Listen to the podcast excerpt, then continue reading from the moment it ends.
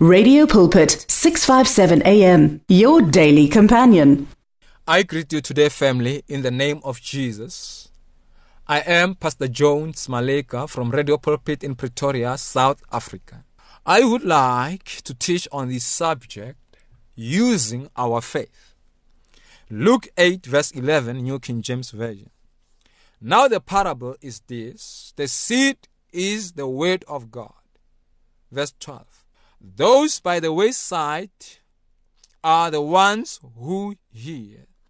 Then the devil comes and takes away the word out of their hearts, lest they should believe and be saved.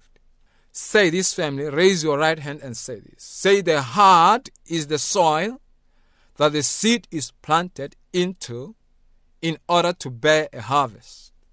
So the seed is the word, and the soil is man's heart. Jesus said the seed gets into the heart by the way we hear. That is why Jesus said, Take heed how you hear, according to Mark 4 24. How we hear and what we hear is extremely important when it comes to the subject of growing faith. The Bible said we are to fight the good fight of faith. There is a fight of faith. If we want to start using faith to receive something from God, there is a fight to it. What we want will not fall on us like ripe cherries of tree. There is a fight to the right, there is a fight to the fight of faith. God could have said, Be positive to use your faith. He could have said, Try and use your faith. But he chose the word fight because there is a fight to it. Why? Satan is trying to steal the word, which causes the faith to come. The word carries faith in it. That is why there is a fight to, to faith. Now, where exactly is the fight? What would I be doing if I wanted to enter that fight of faith? What would my action be? Confession is part of it, but 95% of the fight is in the area of meditating on the verse specific to the area you want answers to. For example, for healing, you would meditate on 1 Peter 1 Peter chapter 2 verse 24, by Jesus stripes you were healed, and then say it loud over and over. That is 95% of the fight of faith. Meditating on the verse, why?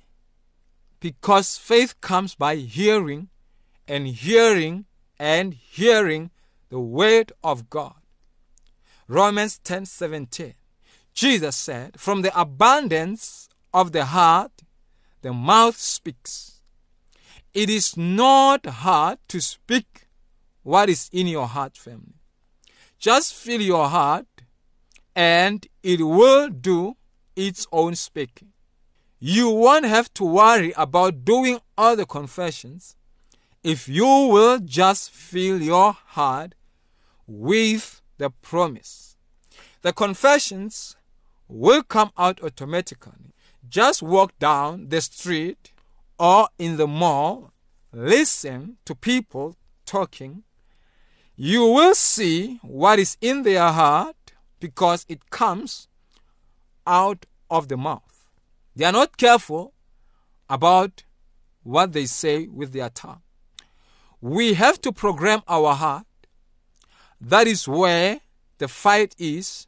Satan is trying to take the weight out of the heart, and we are trying to put the weight into our heart. That is where the fight is.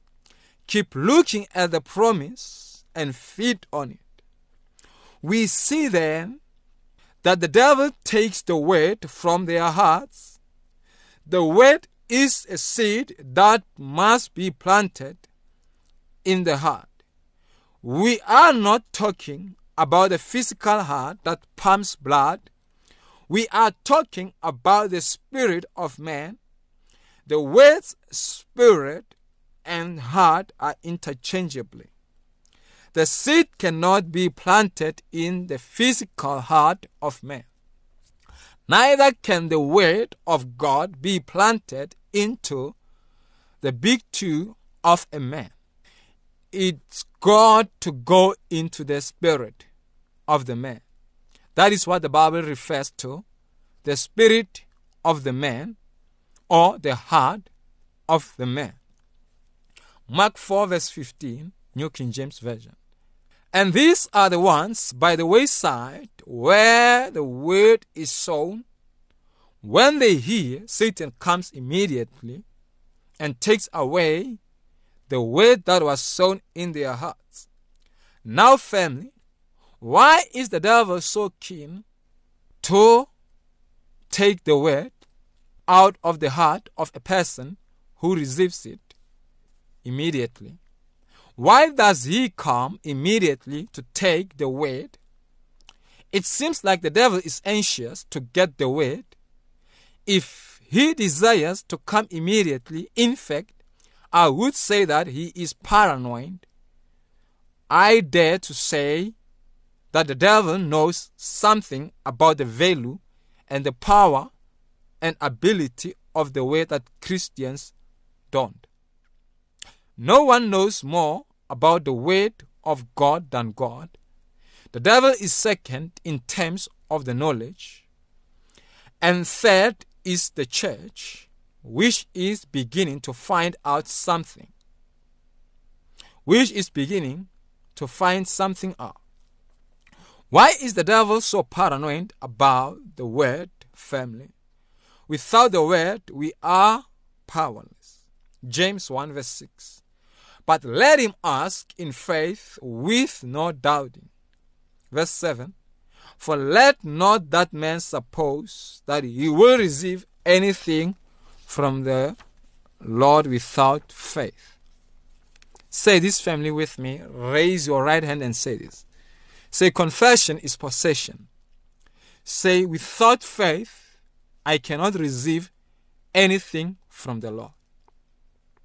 So, family, there are people dying who love God with all their hearts, and they die saying, I love you, Jesus. I love you, Jesus. So, family, there are people that are actually in those kind of situations. So we know that God was desperate to heal those people, to raise them up, but without faith, it is impossible to receive anything from the Lord. And Satan knows that. Satan brings problems to us, and these problems, whatever they might be sicknesses, financial challenges, family challenges, spiritual challenges, are intended to hold us in bondage and steal the word. Satan wants to be Lord over the church. He wants to control the church. He wants to control our lives.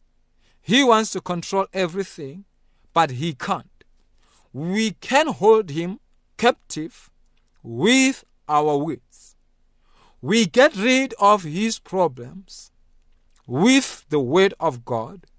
We stay in charge and the devil stays under our feet. Jesus said, You will walk on serpents and tread on scorpions and over all the power of the enemy.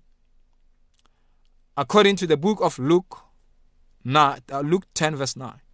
But we can't do that if we don't have the word in us. We don't walk on the devil with our feet, we walk on the devil with our words, which come out of the abundance of the heart. Satan knows if he can steal the word, he can steal God's he can steal God's help from us. If he can steal the word, he can hold us captive. If he can steal the word, he can keep us helpless. Family, we will be limited only to our natural resources if he can steal the word. Family, the word is extremely important, and we have to understand that these truths are important, all of them. But there are two truths in this portion of scripture that are the most valuable. We dare not to we dare not miss these two truths if we expect to understand all the other parables. Number one, God's word is valuable. The second truth is we must understand the law of sowing and reaping. Every word I say is a seed planted, and the harvest comes, and the law we must understand. Raise your right hand and say this. The word of God is vital to my success. Every word I say is a seed planted and the harvest comes. So, family, the whole of God's kingdom works by seed time and harvest. Everything God created came from seed, spoken words.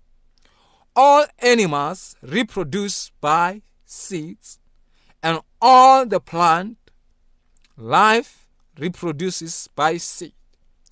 There will be time between the sowing of the seed and the harvesting of the crop. Time will pass. The Bible said there will be seed time and harvest. But we must keep watering the seed with our praise and act like it is true. We cannot say it is true and then act like it is not true. Mark 4, verse 16, New King James Version. These likewise are the ones sown on stony ground, who and when they hear the word immediately receive it with gladness. And they have no root in themselves, and so endure only for a time afterward when tribulation when tribulation or persecution arises from the word's sake immediately here we see satan brings tribulation and persecution for the word's sake the devil doesn't bring people doesn't bring problems our way just because he doesn't like us. Sure, he doesn't like us, but the main reason he brings problems our way, such as tribulations, persecutions, problems, people saying things about us, is for the word's sake. Satan wants to steal the word and to prevent us from getting into the word. As the result, we have many problems in our lives in our lives and we find that we can't read our Bible. We can't listen to teachings. We can't go to church and we have got tribulations. So we need to continue to use our faith, meditate on God's word so that we can continue to be victorious. So, family, raise your right hand and say this. Say, Thank you, Jesus. You died for me on the cross and rose from the dead on the third day. I'm born again. I receive the spirit of life in, in my life right now. I will live, I will not die. My name is written in the book of life. The Spirit of God is at work in my life and in my family. In the name of Jesus. Thank you, Holy Spirit, for guiding me in this journey. Congratulations, family. You are born again. Amen. The words of the Lord are words of life. Your heart is on 657 AM. 657 AM. Radio for believers in action.